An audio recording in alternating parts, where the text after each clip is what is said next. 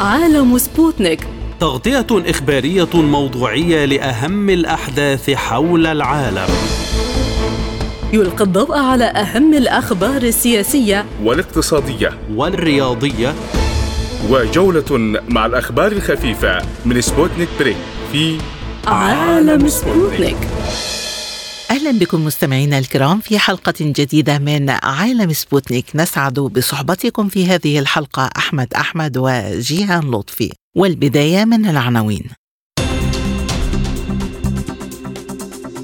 أمريكا تعلن عن حزمة مساعدات عسكرية جديدة لأوكرانيا بقيمة 400 مليون دولار. بايدن وشولتز يؤكدان على استمرار دعم أوكرانيا رغم الشكوك الأوروبية في الحفاظ على وحدة الغرب حول أوكرانيا. المدير العام للوكالة الدولية للطاقة الذرية رفائيل جروسي يزور طهران. الاتحاد التونسي للشغل ينظم تظاهرة احتجاجية ويتهم سعيد بإغلاق أبواب الحوار. اقتصاديا المفوضية الأوروبية تدعو لنقل الصناعات الدفاعية الأوروبية إلى نموذج اقتصاد الحرب.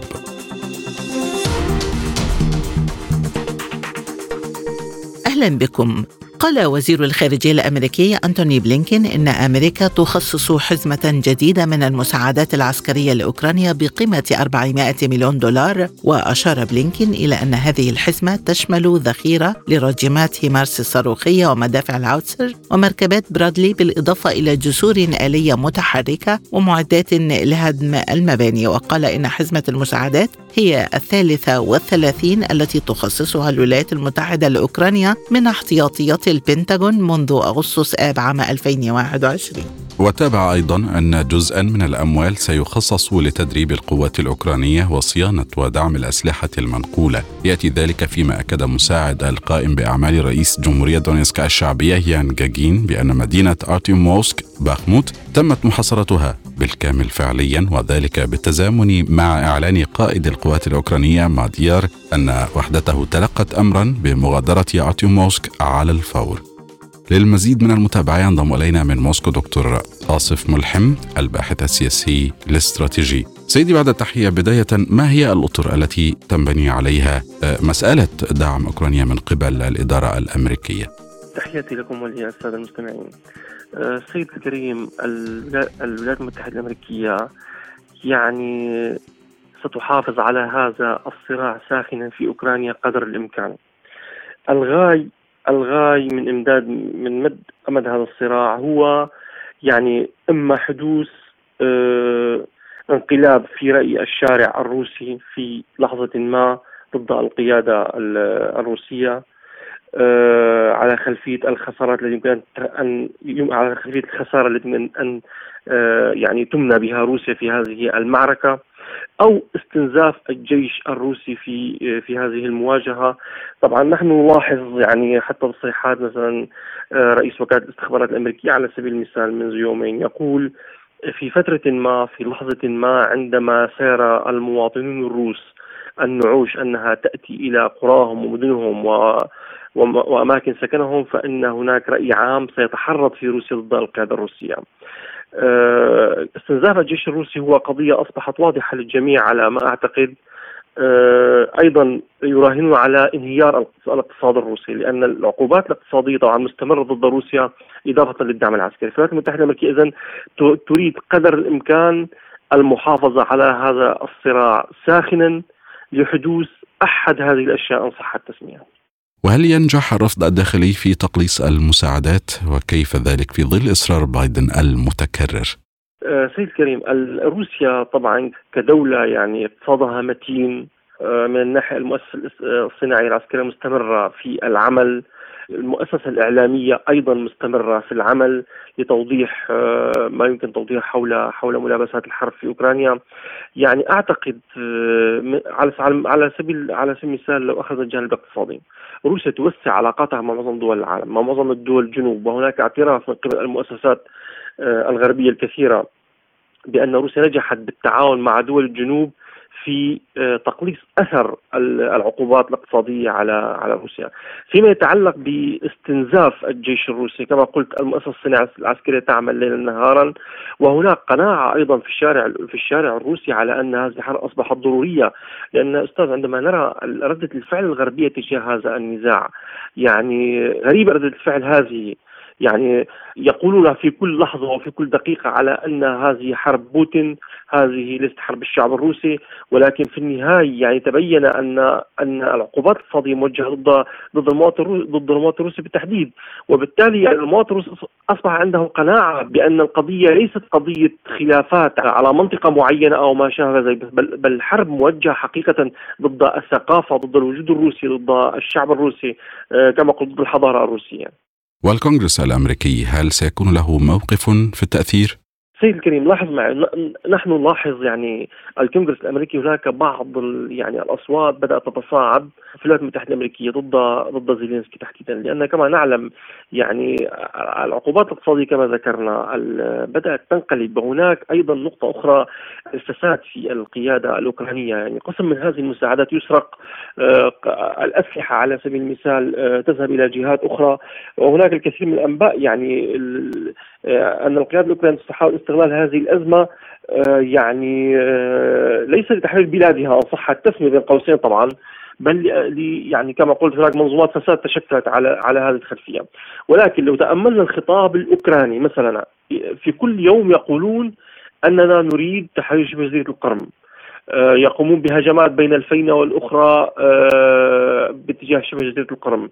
آه، هناك تسلل لبعض العناصر باتجاه روسيا. هذه الحوادث هذه الحوادث كلها الغاية منها هو إرسال رسالة إلى الجانب إلى إلى الجانب الغربي عموما وليس الجانب الأمريكي طبعا بأن بأن القوات الأوكرانية قادرة على تحقيق خرق ما قادرة على التقدم قادرة على الأخذ بزمام المبادرة وبالتالي لابد من الموافقة على هذه المساعدات. وكلما أعطيتونا سلاحا كلما أعطيتمونا سلاحا أكثر كلما حققنا انتصارات أكبر. وبالتالي نلاحظ أن الفترة الأخيرة تصاعد الخطاب حول تحرير شبه جزيرة القرم ومن يقرأ الأنباء يعني آه، يعني آه، يقال أن أناكيل تتحضر لهجوم واسع على القرم ولكن نريد كمية كبيرة من الأسلحة. وبالتالي طبعا هذا الأمر إلى متى ستستمر هذه المعادلة بالصمود طبعا من صعب التنبؤ ولكن أعتقد أن في في يعني في في الكونغرس وفي المؤسسات الإعلامية والسياسية الغربية آه، يوجد من من الاذكياء والحكماء ما يكفي لكي يفهموا طبيعة الصراع وطبيعة المعركة في أوكرانيا. وماذا عن الداخل الأمريكي ذاته والمزاج العام؟ هل يمكن أن يكون له أي تأثير مع تفاقم الأوضاع جراء الصراع في أوكرانيا والأزمات الاقتصادية العالمية المتتالية التي تؤثر بالطبع على المواطن الأمريكي كغيره؟ الجميع يراهن يعني على عامل الوقت يعني وكل وكل طرف يقدم ما عنده من أوراق يعني المشكلة يعني نحن نعلم جيدا يعني آه، هناك تعتيم إعلامي إن صح التسمية سواء في في أوكرانيا نفسها أو في حتى في في في الولايات المتحدة الأمريكية أو في أوروبا بشكل عام يعني. المؤسسات الإعلامية طبعا المختلفة في العالم الغربي معروف يعني مملوكة من جهات معينة ويعني تبث الأخبار التي تناسبها. وبالتالي يعني إلى متى هناك في الواقع صعب من الصعب جدا التنبؤ ولكن استطاع يعني استطاع استطاعت أوروبا على سبيل المثال الصمود يعني في الشتاء الماضي أمام أزمة الغاز. والحق أن أن الصدفة والحظ لعب دورا كبيرا في ذلك. يعني كنا نتوقع أن تحدث مظاهرات عارمة ضد بسبب بسبب نقص الغاز في أوروبا ولكن يعني الشتاء الشتاء الأوروبي جاء دافئا وبالتالي استهلاك الغاز كان قليل. أيضا النمو الاقتصادي في في الصين على سبيل المثال آه، كان ضعيفا هذا العام آه، مما أدى تراجع استهلاك الغاز الأمريكي المسال وبالتالي الكمية كمية الغاز الأمريكي المسال المخصصه للصين أرسلت إلى أوروبا بالإضافة إلى مجموعة من الاجراءات التي قام بها قام بها الدول الأوروبية طبعا باستجرار الغاز المسال من من الجزائر من بعض الدول الأفريقية ومن بعض الدول الشرق الأوسطية. استطاعت إذا التغلب على هذه الأزمة. ولكن هل سيستمر الحال على سيستمر الحال على هذا الوضع؟ طبعا من الصعب التنبؤ. يعني الكل يراهن وكل وكل طرف عنده ما يكفي من الإمكانيات للمواجهة في هذه المعركة. طبعا نلاحظ بين الفينة والأخرى يعني تصاعد الخطاب في العالم الغربي ضد الحرب في أوكرانيا. كلما حقق الروس انتصارات أكبر كلما زاد هذا هذا الرأي وهذا المجال تصاعدا ضد الحرب. وبالتالي نحن لا نستطيع لا ننتظر روسيا عندها كما قلت من الامكانيات من الامكانيات ما يكفي وأعتقد أن القيادة الأوكرانية في لحظة ما يعني ستنهار في يوم من الأيام ويصبح يعني وتصبح اللعبة مكشوفة للجميع وبالتالي لا يصبح أمام القيادات الغربية وأمام الشارع الغربي سوى الوقوف في وجه المساعدات الغربية واستمراريه هذه الحرب. وإلى الولايات المتحدة حيث ناقش الرئيس الأمريكي جو بايدن والمستشار الألماني أولاف شولدز خلال اجتماعهما في واشنطن أمس الجمعة التقدم المحرز في تزويد كييف بالمساعدات العسكرية والاقتصادية والإنسانية. وأكد الرئيسان استعدادهما لمواصلة دعمها وفرض القيود على روسيا طالما كان ذلك ضروريا على حد تعبيره. وقالت الإدارة الأمريكية في بيان إن قادة البلدين ناقشا الجهود الجارية لتقديم الدعم العسكري والانساني الإنساني والاقتصادي والسياسي للشعب الأوكراني. وأشار البيان إلى أن الطرفين تبادلا أيضا وجهات النظر حول عدد من القضايا الأخرى الملحة على جدول الأعمال العالمي. إلى ذلك قالت رئيسة الوزراء الإستونية كايا كالس إن الحفاظ على الوحدة بين الحلفاء الغربيين فيما يتعلق بالنزاع في أوكرانيا يصبح أمرا صعبا بشكل متزايد. وأضافت في حديث لصحيفة فاينانشال تايمز أن الحفاظ على الوحدة أصعب مع مرور الوقت لأن الجميع يريدون أن تنتهي هذه الحرب. للمزيد من المتابعة. ينضم إلينا من باريس رئيس تحرير صحيفة آه، كل العرب السيد علي المرعبي. سيد علي بعد تحية إلى أي مدى يمكن أن ينجح لقاء بايدن وشولز في توحيد الموقف الأوروبي من أزمة أوكرانيا وأيضا الموقف من الصين؟ آه، صباح الخير. آه، هي بداية الموقف الغربي وتحديدا أمريكا وفرنسا وألمانيا. هو شبه موحد تجاه الأزمة في آه، أوكرانيا ولم يطرأ عليه أي أي جديد حتى الآن. ولكن هناك ملاحظات أن انعكاسات هذه الحرب آه، التي دخلت عامها الثاني بدأت تظهر بشكل أو بآخر في آه، أوروبا من خلال يعني التضخم المالي ومن خلال غلاء الأسعار. وأيضا أن الرواتب والدخل بقي كما هو. فبدأ المواطن الأوروبي يشعر بثقل آه، نتائج هذه الحرب أو انعكاسات هذه الحرب على حياته وعلى آه، استقراره. من الطبيعي أن بايدن وشولز يعني ياخذوا نفس المواقف ذاتها. آه، ريثما يلوح في الأفق أي يعني تحرك يمكن الوصول إليه لإيجاد آه، حل ما. آه، من وجهة نظري الشخصية أن الحرب في أوكرانيا لن يكون بها منتصر أو مهزوم عسكريا لأن لا روسيا تقبل أنه تنهزم عسكريا ولا الغرب لأن أوكرانيا هي بالنهايه الغرب يعني حلف الأطلسي ولا الحلف الأطلسي يرضى أنه ينهزم عسكريا. المخرج الوحيد هو الحل السياسي والتواصل الدبلوماسي وإيجاد تسوية آه، ترضي الأطراف كافة وخاصة آه، الهواجس الأمنية التي كانت تطالب بها روسيا قبل بدء الحرب. كيف يمكن تفسير الخلافات داخل المعسكر الغربي تجاه أزمة أوكرانيا وما أسبابها خاصة وأن هذه الخلافات تزداد مع الوقت؟ الأسباب هي كثيرة وإن كان آه، بدأت تأخذ الطابع الاقتصادي بشكل محدد. وهذا يعني انعكس من خلال آه، التظاهرات والإضرابات الكبيرة التي شملت آه، حتى الآن على الأقل ثلاث دول أوروبية وهي فرنسا وبريطانيا والمانيا. وفرنسا يعني مقبلة على بعد يومين أو ثلاثة على إضرابات ومظاهرات واسعة النطاق يوم الثلاثاء المقبل 7 مارس. نتيجة يعني التضخم وغلاء الأسعار وتدني الأجور قياسا على الأسعار التي باتت. من هون أنا اللي بشوف أنه الحل الوحيد لحتى أوروبا ترتاح من انعكاسات الحرب في أوكرانيا هو إيجاد مخرج آه، أو حل آه، سياسي يعني يضمن مصالح الجميع بالتأكيد لأن أي تسوية سياسية لابد أن تلحظ يعني مصالح جميع الأطراف في أوروبا. وهل يمكن أن يؤدي هذا الشقاق إلى إطالة أمد الصراع لتفكك المعسكر الغربي كما ألمحت رئيسة وزراء إستونيا؟ آه، هو إطالة أمد الصراع أنا برأيي هو مصلحة أمريكية وليس مصلحة آه، أوروبية. آه، لأن أمريكا بعيدة قاعدة يعني توجه حلفائها في حلف الناتو ب بال يعني الاستمرار بذات الموقف وبذات السياسة وبنفس الوقت هي عم تحاول تستفيد من يعني مثل ما نقول بين مزدوجين عائدات الحرب في أوكرانيا آه، اقتصاديا آه، وسياسيا. آه، اقتصاديا من خلال من خلال بيع الأسلحة والهيمنة على أوروبا أكثر وأكثر وأضعاف الاتحاد الأوروبي اقتصاديا من خلال إلزامه بدعم مالي ضخم وكبير وتسليحي أيضا لأوكرانيا.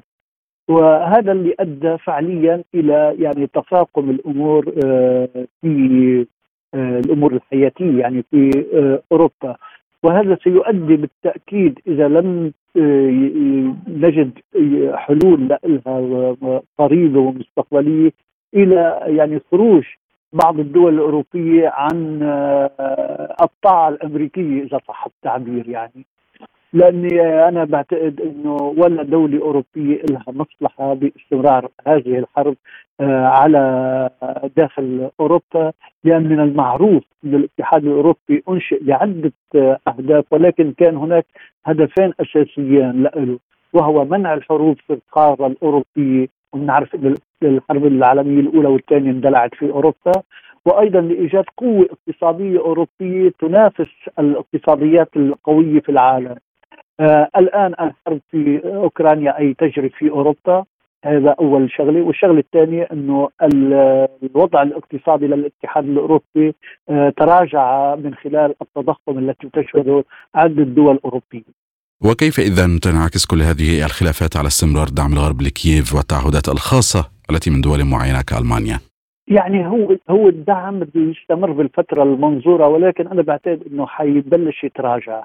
لأن أصلا يعني في الترسانات العسكرية آه للاتحاد الأوروبي ما بقى عندهم آه أسلحة أو ذخائر أو صواريخ يمدوا فيها أوكرانيا يعني في دول أوروبية بتقول إنه هي إذا بتفوت بحرب الآن تدخل بحرب الآن ليس عندها يعني الإمكانيات العسكرية لمواصلة هذه الحرب إلا عدة أيام. قال المدير العام للوكالة الدولية للطاقة الذرية رافائيل جروسي اليوم السبت خلال مؤتمر صحفي مع رئيس الوكالة الذرية الإيراني محمد إسلامي في طهران إن على إيران أن تكون واضحة وشفافة بشأن برنامجها النووي. وأشار إلى أن الوكالة الدولية ستستمر في التعاون مع إيران وأن هناك حوارا جادا معها. واضاف أن الوكالة الدولية تتطلع لتعاون طهران معها لتوفير ضمانات بشأن برنامجها النووي مؤكدا أن هناك افاقا للتعاون الفني والعلمي بين إيران والوكالة الذرية. وأدان مدير الوكالة الدولية للطاقة الذرية اي هجوم على المواقع النووية في أي مكان بالعالم مؤكدا أن الوكالة ترفض أي أعمال عسكرية ضد المنشآت النووية. من جهته أكد رئيس الوكالة الذرية الإيرانية محمد إسلامي أن هناك من يحاول إثارة التوتر مع الوكالة الدولية للطاقة الذرية معتبرا زيارة رئيس الوكالة رفائيل غروسي لطهران أنها رسالة واضحة على العلاقات بين إيران والمنظمة الدولية. وللمزيد من المتابعة حول زيارة جروسي ينضم إلينا من بيروت خبير الشؤون الإيرانية السيد محمد شمص. مرحبا بك معنا أستاذ محمد. وبداية ما هو المتوقع من زيارة جروسي لإيران؟ ولماذا جاءت هذه الزيارة قبيل اجتماع مجلس محافظي الوكالة اليوم السبت؟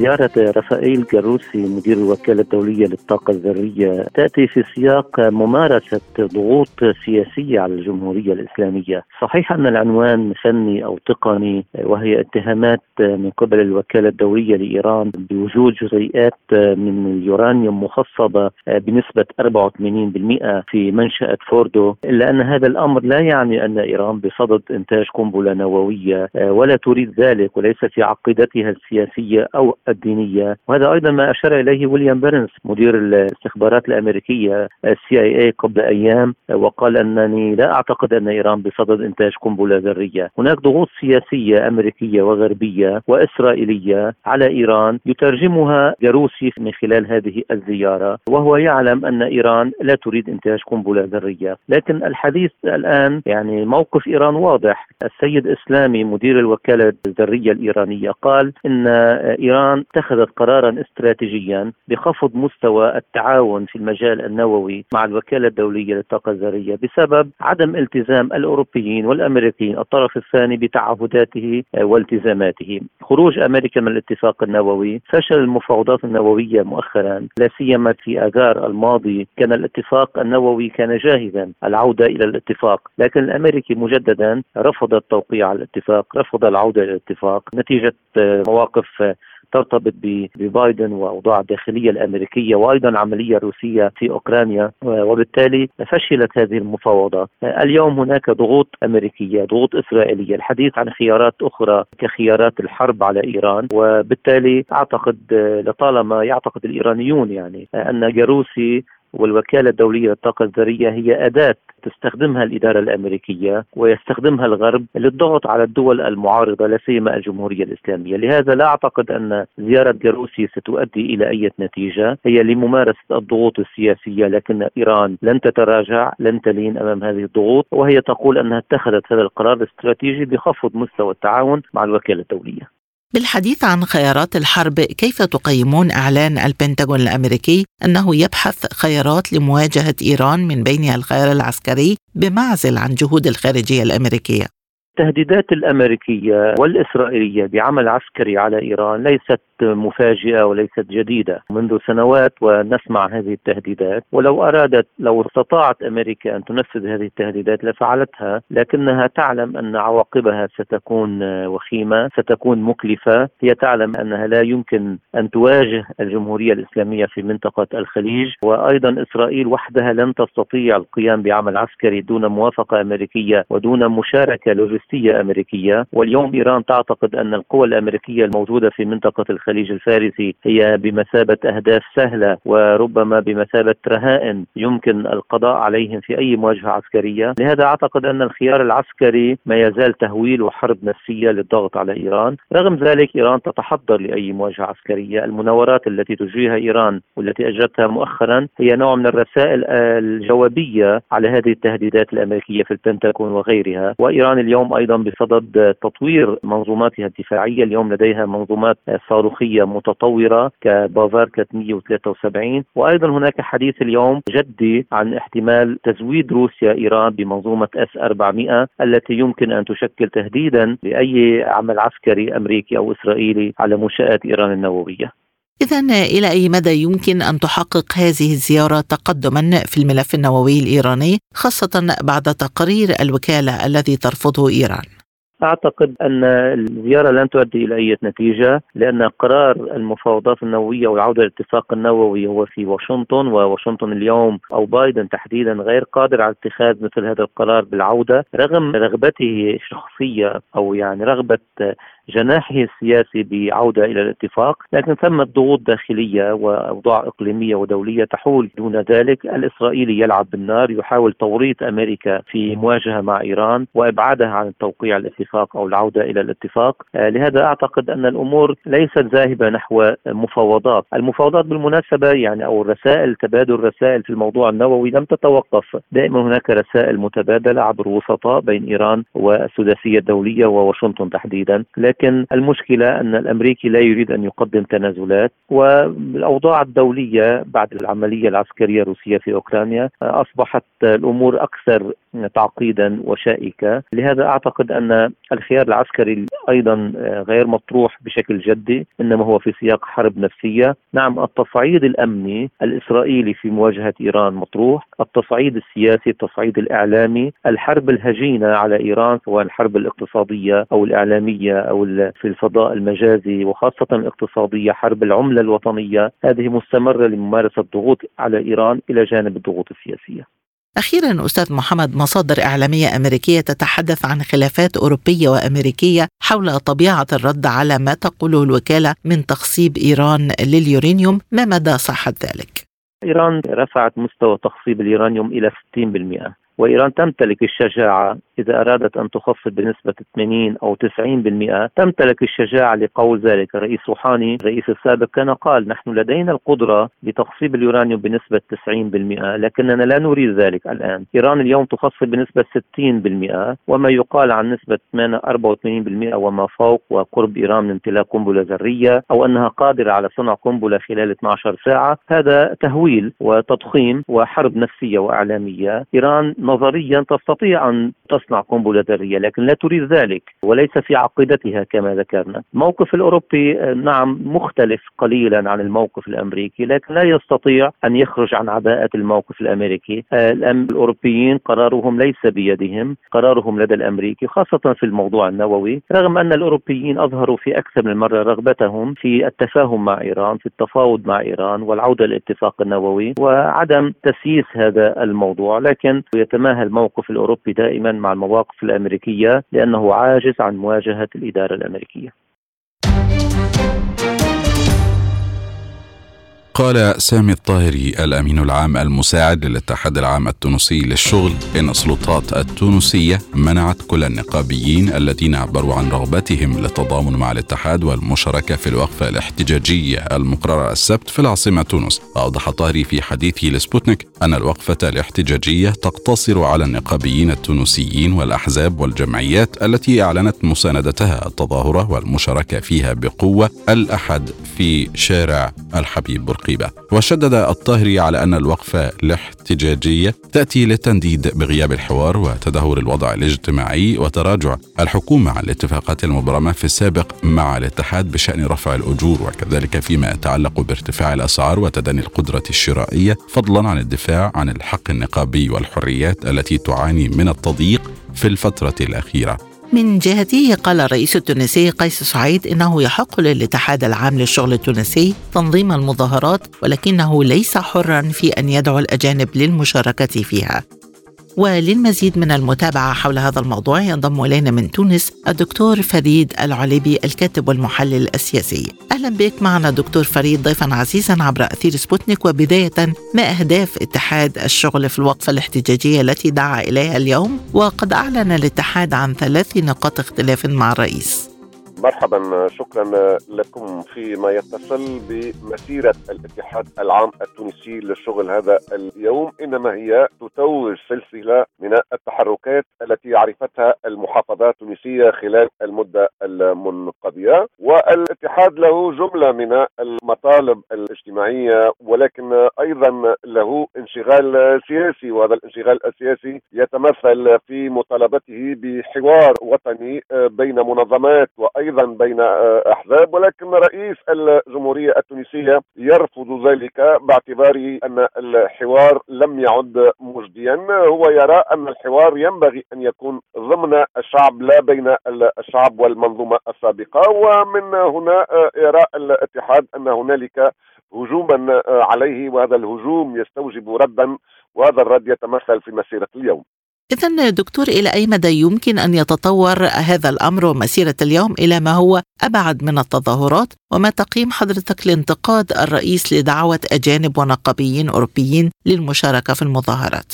ويبدو أن التطورات لن تصل إلى حدود المعركة المعلنة بين الجانبين فالاتحاد العام التونسي للشغل عبر في مناسبات سابقة عن وقوفه مع هبة 25 جويلية التي على إثرها جمد رئيس الجمهورية البرلمان السابق واقال الحكومة ثم كانت الانتخابات الأخيرة وقبل ذلك الدستور إلى آخره. هذا المسار يلقى قبولا من طرف الاتحاد العام التونسي للشغل ومن هنا فإن تلك التظاهرات أو المسيرات إن شاءنا لن تصل إلى حدود احتدام الصراع على النحو الذي يمكن القول معه بعد ذلك أن نقطة العودة قد تم تسجيلها بين الطرفين وإنما هو شائع الصلة بين الطرفين سوف تظل قائمة. أما بخصوص رفض رئيس الجمهورية لوجود أجانب ضمن مسيرة الاتحاد فهذا مفهوم اليوم على اثر ما حدث أخيرا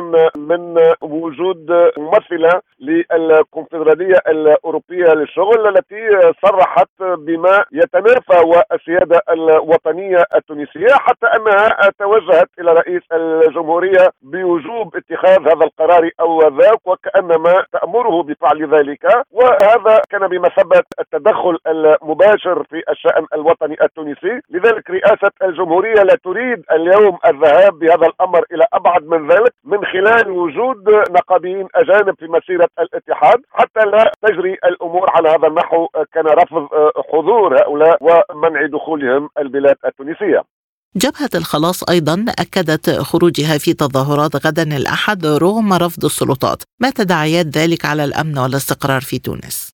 وجبت الخلاص يبدو أنها لا تتمتع بتأشيرة العمل السياسي في تونس. هذا من جهة. ثم من جهة ثانية قيادتها أو البعض منها على الأقل مورطة في ما يرجح أنها مؤامرة لقلب نظام الحكم في تونس بل حتى لقتل رئيس الجمهورية وهذا ما لمح إليه البارحة في تصريح بثته مواقع مختلفة.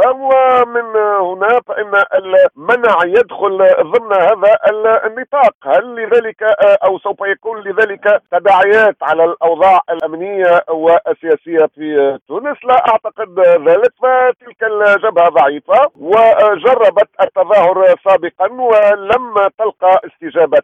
جربت أيضا الاعتصامات ولم تجد استجابة. واليوم هي منهكة وهناك ارتباطات دولية بينها وبين قوى خارجية حتى أن وزارة الخارجية الأمريكية والناطق الرسمي باسم البيت الأبيض صرح أنه بعض قادتها كانت لهم اتصالات بموظفين ضمن السفارة الأمريكية في تونس. وهذا الاعتراف له شأنه له قيمته بمعنى أن الدولة التونسية اليوم ترى في مثل تلك الاتصالات تدخلا في الشأن الوطني وضربا للسيادة الوطنية التونسية ومن هنا فإن الجبهة قلت اليوم لا تلقى قبولا شعبيا ولن يكون لمسيرتها أي تداعيات سياسية على ما أعتقد وأيضا أمنية دكتور مع دعوة الرئيس للقضاء ألا يتوانى في تطبيق القانون هل تتوقعون تكتل جبهات سياسية في تونس وأين سيكون الاتحاد من هذا الاصطفاف؟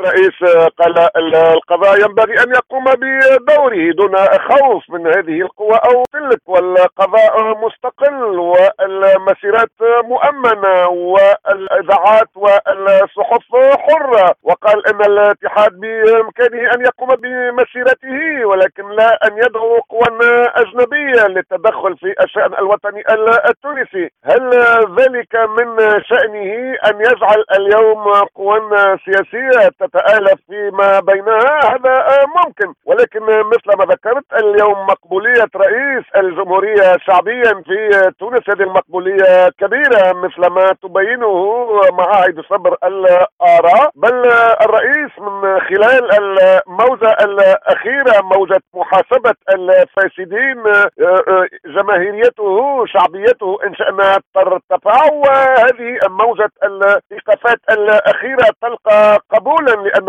الشعب التونسي تعرض خلال سنوات عشر إلى الأمرين في صلة بالمنظومة السياسية السابقة التي كان على رأسها الإسلام السياسي. واليوم تلك المنظومة يرى رئيس الجمهورية ويرى الشعب أيضا هناك تطابق بين الشعب والرئيس. على هذا الصعيد يرى أن الوقت قد حان لمحاسبة هؤلاء وهناك حيتان كبيرة برونات الفساد اليوم وراء القضبان و وهي تنتظر المحاكمة العادلة من خلال القضاء العادل في تونس وأخيرا دكتور ما هو السبيل للخروج من هذه الأزمة السياسية التي تشهدها تونس؟ وهذه الأزمة السياسية الخروج منها بدأ من خلال الدستور الجديد ثم الاستفتاء ثم الانتخابات السابقة قبل أيام ثم هناك انتخابات بلدية في الأفق وهناك انتخابات أيضا لمجلس الأقاليم والجهات بمعنى أن الأزمة السياسية اليوم لا يمكن الخروج منها من خلال حوار بين القديم والجديد. تونس الآن على عتبة جمهورية جديدة على عتبة تونس الجديدة إن شأن هناك تغيير استراتيجي الآن يقع في تونس. رئيس الجمهورية يقول أننا في حرب تحرر وطني. اليوم هناك إعلاء لشأن السيادة الوطنية حتى استدعاء للسفير الأمريكي قبل مدة من طرف رئيس الجمهورية وهناك بيان لوزارة الخارجية ينبه الدول خاصة الأوروبية والولايات المتحدة الأمريكية بعدم التدخل في الشأن الوطني التونسي. الاستقرار السياسي من شأنه أن يفتح المجال لحل المعضلات الاقتصادية والاجتماعية وهذا هو الرئيسي في الانتفاضة التونسية. الانتفاضة التونسية قامت على أساس الشغل وعلى أساس مقاومة الفاسدين ومن هنا فإننا نقترب من لحظة استرداد الانتفاضة التونسية أنفاسها في علاقة بمطالبها المشروعة. وهناك قوس هو قوس الانقلاب على الانتفاضة التونسية. وهذا القوس يوشك أن يغلق مع الرئيس قيس سعيد. أعلن المفوض الأوروبي لشؤون السوق الداخلية تيري بريتون عن ضرورة نقل الصناعات الدفاعية الأوروبية إلى مرحلة اقتصاد الحرب. وذكرت صحيفة فاينانشال تايمز عن بريتون أن الوقت قد حان لكي تنتقل صناعات الدفاع الأوروبية إلى نموذج اقتصادي في زمن الحرب لتلبية احتياجات التصنيع الدفاعي. وأشار المفوض الأوروبي للسوق الداخلية إلى ضرورة تكثيف إنتاج الذخائر للتعامل مع واقع الصراع الشديد. يذكر أن بريتون يمارس الضغوط على المؤسسات المالية التي لا تتعاون مع شركات الأسلحة لزيادة حجم الإقراض لهذه الشركات. للمزيد من المتابعة ينضم إلينا من بروكسل السيدة ليلى حداد خبيرة الشؤون الأوروبية. سيدتي أهلا بك. بداية ماذا تعني تصريحات المفوض الأوروبي لشؤون السوق الداخلية عن ضرورة نقل الصناعات الدفاعية الأوروبية لمرحلة اقتصاد الحرب؟ أعتقد أن آه هذا الكلام لم يأتي آه هكذا آه مباشرة بعد الأزمة الأوكرانية الروسية في تقديري في حوالي شهر سبتمبر 2022 كان مثلا الرئيس الفرنسي ماكرون دعا إلى تعزيز صناعة الدفاع الأوروبية التي يريد أن تكون أقوى بكثير في ضوء الاحتياجات العسكرية المتزايدة. مع الحرب في أوكرانيا. وطبعا الجهات الأوروبية بشكل عام رأت أن الصراع في أوكرانيا يستهلك الذخيرة وهذا الكلام كان تقريبا قبل سنة. والآن بدأ التنفيذ في هذا الاتجاه. يرون أنه يجب تكثيف الصناعة والذهاب إلى يعني تقريبا حرب ضروس مع روسيا إلى نهاية الربيع المقبل ثم الدخول في المفاوضات. هذا ما يجري تقريبا الحديث عنه علنا أو في كواليس هنا في بروكسل في كواليس المؤسسات مؤسسات الاتحاد الأوروبي. وهل هذه الدعوة سيتم الاتفاق حولها من كافة الدول الأوروبية برغم الخلاف البادي بشأن الموقف من الأزمة الأوكرانية وكذلك التأثير المتوقع لهذا النموذج المقترح في ظل الأزمات الاقتصادية الراهنة. لا طبعا طبعا. ندري جميعنا يدري أن بداخل الاتحاد الأوروبي هنالك انقسامات عميقة. المعسكر ما يسمى بالمعسكر الشرقي عامة دائما لديه مواقف مغايرة لمواقف المعسكر الغربي إن كان في هذه الحرب على أوكرانيا أو في مجالات أخرى. وهذا الانقسام يتعمق يعني تقريبا حتى بسرعة لماذا؟ لأن المصالح تختلف مصالح هنغاريا بالنسبة لروسيا مختلفة تماما بمصالح مثلا بلجيكا تجاه روسيا وهكذا طبعا هذا الانشقاق في تقديري سيتعمق و ندري جميعنا أن هذه الحرب بالنهايه ليست حرب أوكرانية روسية أو أوروبية روسية وإنما أمريكية روسية وعلى الولايات المتحدة أن تتخذ المسؤولية مسؤولية تداعيات هذه الأزمة وما أهمية تزامن هذه التصريحات مع دعوات كييف لدول الاتحاد الأوروبي تزويدها ب 250 ألف قذيفة شهريا؟ طبعا هنالك تنسيق دول الاتحاد الأوروبي العظمى بين الجفرين تنسق يعني تقريبا ليس يوميا يعني كل ساعة أو كل دقيقة مع الشقيق الأكبر مع الحليف الأكبر وهو الولايات المتحدة الأمريكية. وهم آه، ولديهم استراتيجية بالنسبة لهذه الأزمة. والاتحاد الأوروبي يدري جيدا أنه أن هذه الأزمة أضعفته على كل المستويات إن كان على آه، المستوى آه، مستوى السياسة سياسته الخارجية أو حتى حتى الآن ونراه تقريبا يوميا آه، في المجال الاقتصادي والتجاري آه، آه، خاصة وأننا ندري أن في هذه اللعبة هنالك يعني الصين الصين التي لديها علاقات مهمة جدا مع الاتحاد الأوروبي خاصة في المجال الاقتصادي والتجاري ولقاءات مثلا مثل اللقاء الذي حصل مؤخرا بين شولز المستشار الألماني والرئيس بايدن. هو بالنسبة لي وفي تقديري يعني محاولة أمريكية لإضعاف العلاقات الثنائية الألمانية مع الصين. والصين باتت هي المستهدفة آه، آه، آه، طبعا للركود بالنهاية إلى الهيمنة هيمنة هذا العالم. كذلك ما الهدف من زيارة رئيسة البرلمان الأوروبي لكييف في هذا التوقيت؟ بالنسبة لرئيسه البرلمان الأوروبي أعتقد تندرج في إطار ما بات يعرف بالمسانده لاوكرانيا وكذلك في نفس الوقت آه، البرلمان الأوروبي آه، الذي هو المؤسسة الوحيدة الديمقراطية يريدون القول أيضا لأوكرانيا آه، يجب أن تعلمي أننا معك اليوم لكن هذا يجب أن تنظفي مؤسساتك والعالم يدري معضلة الفساد المتفشي في هذه في هذا البلد اللي هو أوكرانيا. عالم سبوتنيك مستمر معكم والآن موعدكم مع جولة حول العالم.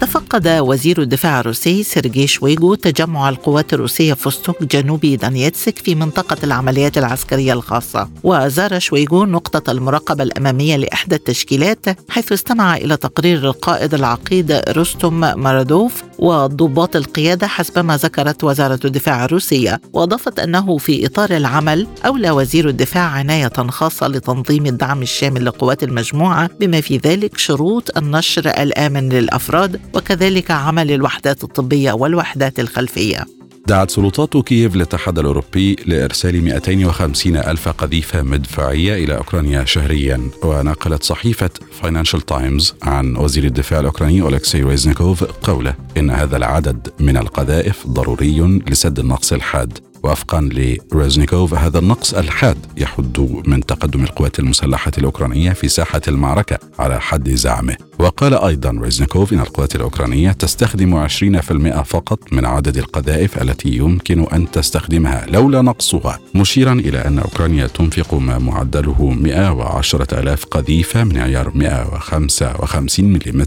من عيار الناتو شهريا. صرح رئيس مجمع الدفاع الألماني أرمين بايبرجر أن بلاده مستعدة لبناء مصنع لإنتاج الدبابات في أوكرانيا وتقدر تكلفته ب 200 مليون دولار. ونقلت وسائل إعلام محلية عن المسؤول أن المفاوضات بشأن هذا المصنع واعدة مضيفة أن مثل هذا المصنع في أوكرانيا سيكون قادرا على إنتاج ما يصل إلى 400 دبابة من طراز بانثر سنويا ويأمل المسؤول الألماني في حل هذه المشكلة في غضون الشهرين المقبلين بحسب قوله. لكنه بالإضافة إلى ذلك يعتقد أن ما بين 600 و 800 دبابة لن تكون كافية لنظام كييف للفوز وأن 300 دبابة ليوبارد ألمانية لن تغير الوضع. قالت المتحدثة الرسمية باسم وزارة الخارجية الروسية ماريا زخاروفا أن بيان الأمم المتحدة حول تدمير الممتلكات الثقافية في أوكرانيا خلال العملية العسكرية الخاصة ليست سوى محاولة أخرى لحماية نظام كييف وتشويه صورة روسيا. وتساءلت زخاروفا عن أسباب عدم تقديم الخبراء المحايدين في مجلس حقوق الإنسان تقييما عاما للحرب التي شنتها كييف ضد التراث الثقافي والتاريخي واللغوي الروسي. بالإضافة إلى التراث المصطنع وزرع ثقافة الإلغاء في أوروبا لكل ما هو مرتبط بطريقة أو بأخرى بروسيا. وأشارت إلى أن هذا النوع من التحيز والانتقائية لبعض الإجراءات الخاصة التابعة لمجلس حقوق الإنسان لا يزيد من احترامها بل يسيء إلى مصداقيتها داعية خبراء الأمم المتحدة إلى تنفيذ مهامهم بطريقة غير مسيسة وإلى الالتزام الصارم بمبادئ النزاهة. والحياد. قال رئيس منظمة الطاقة الذرية الإيرانية محمد إسلامي إن بلاده قررت تقليص التزاماتها النووية وفقا لقانون العمل الاستراتيجي بسبب عدم التزام الأطراف الاتفاق النووي بتعهداتها وقيامها بمنع الدول والشركات الأخرى من التعاون مع إيران وتزايد العقوبات.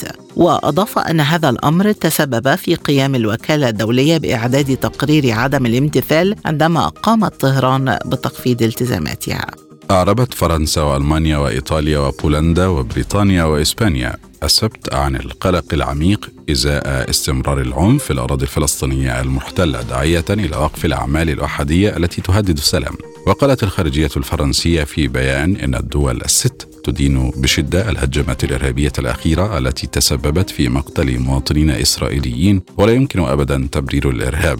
كما تدين بشدة العنف العشوائي الذي يمارسه المستوطنون الإسرائيليون ضد المدنيين الفلسطينيين. كذلك دعا البيان إلى إنهاء جميع الأعمال الاحاديه التي تهدد السلام والتحريض على العنف.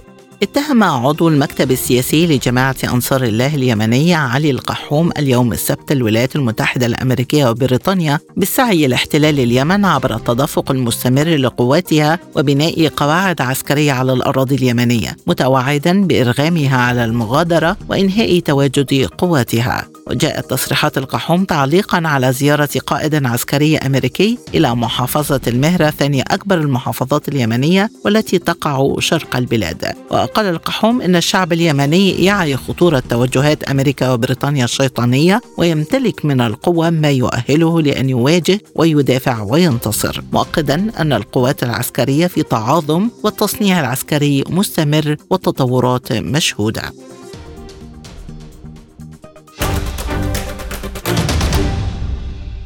هذه الحلقة مستمرة وتذكرة الآن بأهم العناوين. أمريكا تعلن عن حزمة مساعدات عسكرية جديدة لأوكرانيا بقيمة 400 مليون دولار. بايدن وشولتز يؤكدان على استمرار دعم أوكرانيا رغم الشكوك الأوروبية في الحفاظ على وحدة الغرب حول أوكرانيا. المدير العام للوكالة الدولية للطاقة الذرية في زيارة إلى طهران. الاتحاد التونسي للشغل ينظم مظاهرة احتجاجية ويتهم سعيد بإغلاق أبواب الحوار. واقتصاديا المفوضية الأوروبية تدعو لنقل الصناعات الدفاعية الأوروبية إلى نموذج اقتصاد الحرب.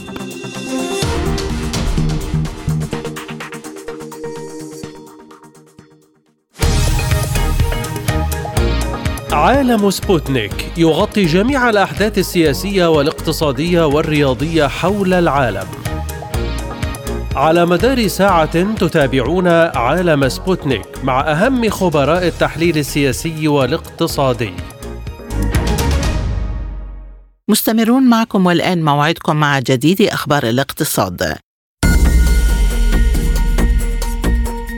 شهد الرئيس الإماراتي الشيخ محمد بن زايد النهيان ونظيره التركي رجب طيب أردوغان توقيع اتفاقية الشراكة الاقتصادية المتكاملة بين البلدين. بموجب الاتفاق سيتم إلغاء أو تخفيض الرسوم الجمركية على ما يمثل أكثر من 93% من قيمة التجارة البينية. غير النفطية الأمر الذي يعزز من فرص نمو التجارة الثنائية بين البلدين لتصل إلى 40 مليار دولار خلال السنوات الخمس المقبلة مقارنة ب 19 مليار دولار حاليا وذلك بحسب وزير الاقتصاد الإماراتي عبد الله بن طوق المري. كما ستخلق الاتفاقية نحو 25 ألف وظيفة في الاقتصاد الإماراتي ونحو 100 ألف وظيفة في الاقتصاد التركي وستدخل حيز التنفيذ بعد تصديق الإجراءات وستتم خلال ثلاثة إلى ستة أشهر بينما التنفيذ خلال عام وفقا لصحيفة البيان الإماراتية. أعلن الرئيس الفرنسي إيمانويل ماكرون أن فرنسا تسعى إلى تعزيز شراكتها مع أنغولا ودول أفريقية أخرى في مجال الزراعة لتقليل اعتمادها على الواردات من دول في الجانب الآخر من العالم. مشددا على أن السيادة الغذائية هي من أهم التحديات التي تواجهها الدول الأفريقية. وقال ماكرون خلال كلمة له في منتدى اقتصادي بلواندا إن الصراع في أوكرانيا أدى إلى زعزعة استقرار سلاسل الإمدادات كاشفا اعتماد تلك الدول التي غالبا ما تمتلك قدراتها الإنتاجية الخاصة بها على تصدير الحبوب أو الأسمدة من البلدان في الجانب الآخر من العالم. أضاف أنه يجب معالجة مسألة الحبوب والأسمدة حتى تتمكن البلدان من إنتاج وتصدير الأغذية بنفسها. وعلينا مساعدة الدول الأفريقية في الإنتاج. وفق الرئيس الفرنسي فإن ضرورة تنويع الاقتصاد هي التحدي الثاني. كشف تقرير الثروة السنوي الصادر عن وكالة نايك فرانك المختصة في استشارات العقارات عن أكبر انخفاض سنوي في ثروة أغنياء العالم منذ إصدار تقريرها الأول عام 2010 وأوضح موقع إخباري أن إجمالي ثروات الأشخاص البالغ عددهم 218 ألف شخصا المصنفين على أنهم فائقي الثراء انخفض بنسبة 10% من 101 تريليون دولار عام 2021 إلى 1 91 تريليون دولار عام 2022 أي نحو 10 تريليونات دولار. وأوضح الموقع أن تلك الخسارة الفادحة جاءت إثر صدمات ثلاثية بسبب خسائر قطاع الطاقة والركود والتوترات الجيوسياسية. من جانبه قال ليام بيلي رئيس قسم الأبحاث ورئيس تحرير تقرير الثروة إن الأزمة الأوكرانية عملت على تعزيز أزمة الطاقة الأوروبية وأدت إلى ارتفاع معدلات التضخم ونتيجة لذلك شهد عام 2022 الصعود الأكثر حدة في الفائدة العالمية عبر التاريخ مما أدى إلى فترة ممتدة من عدم الاستقرار وانعدام الأمن ناتجة عن سلسلة من الأحداث الكارثية. ذكر تقرير للبنك الدولي بعنوان تقدير الأضرار العالمية السريعة لما بعد الكارثة في سوريا. أن الزلزال المدمر الذي وقع في السادس من فبراير شباط الماضي تسبب في خسائر مادية بشرية لسوريا تقدر بنحو 5.1 مليار دولار.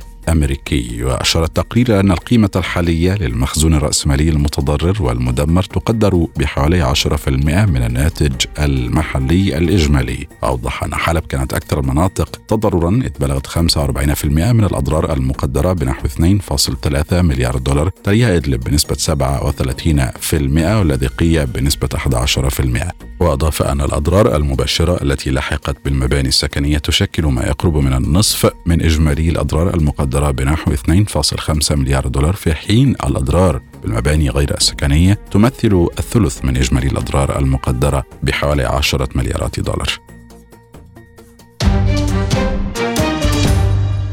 والآن موعدكم مع النشرة الرياضية.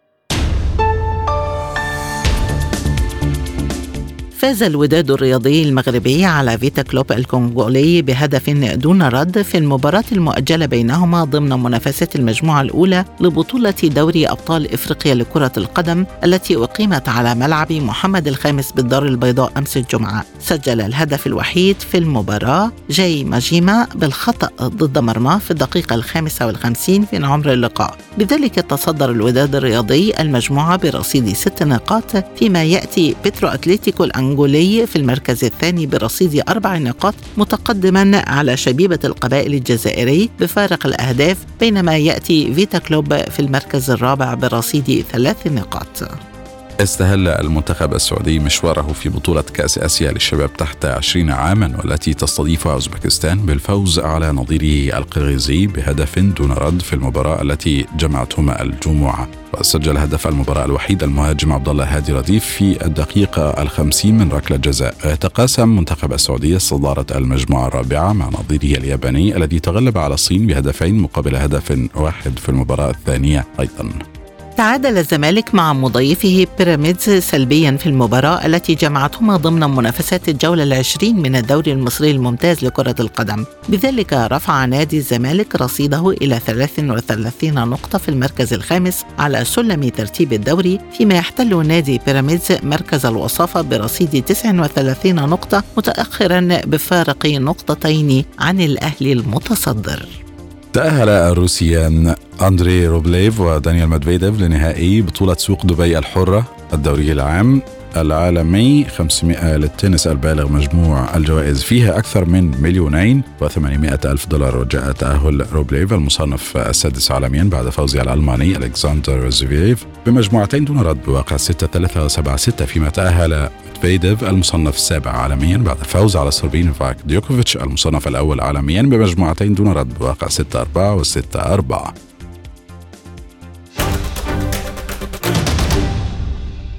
والآن موعدكم مع طائفة من الأخبار الخفيفة من سبوتنيك بريك.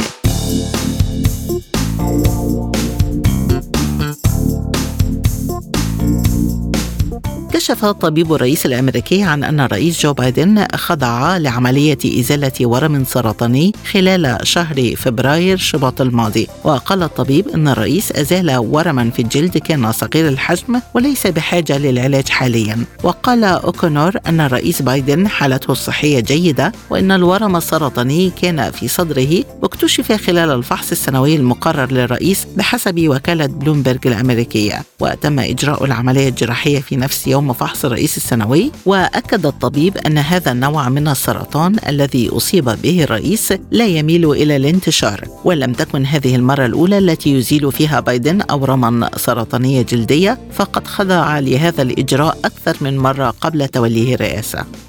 يواجه اللاعب المغربي أشرف حكيمي مصير الفنان سعد المجرد حيث تم توجيه تهمة الاغتصاب الجمعة لنجم المنتخب المغربي ونادي باريس سان جيرمان الفرنسي. وقال مكتب المدعي العام في نانتير أنه تم توجيه تهمة الاغتصاب إلى النجم المغربي حيث استجوب المدعون العامون اللاعب الخميس الماضي بعد اتهامات من امرأة تبلغ من العمر 24 عاما. وجهت المرأة اتهامات للنجم المغربي وأكدت تعرضها للاغتصاب في منزل اللاعب في بولوني بيلانكور في الخامس والعشرين من فبراير شباط الماضي. كشفت تقارير أن إدارة الغذاء والدواء الأمريكية رفضت اقتراحا تقدمت به شركة نيورالينك التي يمتلكها الملياردير إيلون ماسك من أجل الشروع في إجراء أول اختبارات على البشر لزرع رقاقات داخل أدمغتهم. وذكرت الإدارة أن هناك العشرات من المشكلات التي يجب على الشركة معالجتها بحسب إفادة موظفين حاليين وسابقين في الشركة الناشئة والذين رفضوا الكشف عن أسمائهم وفقا لصحيفة بريطانية. تضمنت المخاوف التي أثارتها الإدارة الأمريكية هو أن غرسات نيورالينك تعمل ببطاريات الليثيوم المدمجة واحتمالية أن تتسبب في ضرر بأنسجة الدماغ. وعبرت الهيئة الأمريكية كذلك عن مخاوف من أن الأسلاك الدقيقة التي تستخدمها نيورالينك في جهازها قد تمزق الأوعية الدموية وتزيد من خطر التهاب الدماغ وإعاقة وظائفه. كما أشار الموظفون في الشركة إلى أن إدارة الغذاء والدواء الأمريكية أثارت مخاوف بشأن ما إذا كان يمكن إزالة غرسات نيورالينك دون التسبب في إحداث تلف بالدماغ. رصد خبراء في خصوصية أمن المعلومات ثغرتين جديدتين في نظام تشغيل هاتف آيفون من شركة أبل الأمريكية تساعد القراصنة على الوصول إلى الصور والرسائل الشخصية للمستخدمين وتسمح ثغرتان لقراصنة الإنترنت بتجاوز إجراءات الحماية الأمنية وتشغيل التعليمات البرمجية الضارة للوصول إلى صور المستخدمين ورسائلهم إلى جانب دفتر جهات الاتصال والتقويم السنوي أو ال calendar وفقا لصحيفة ديلي ميل البريطانية.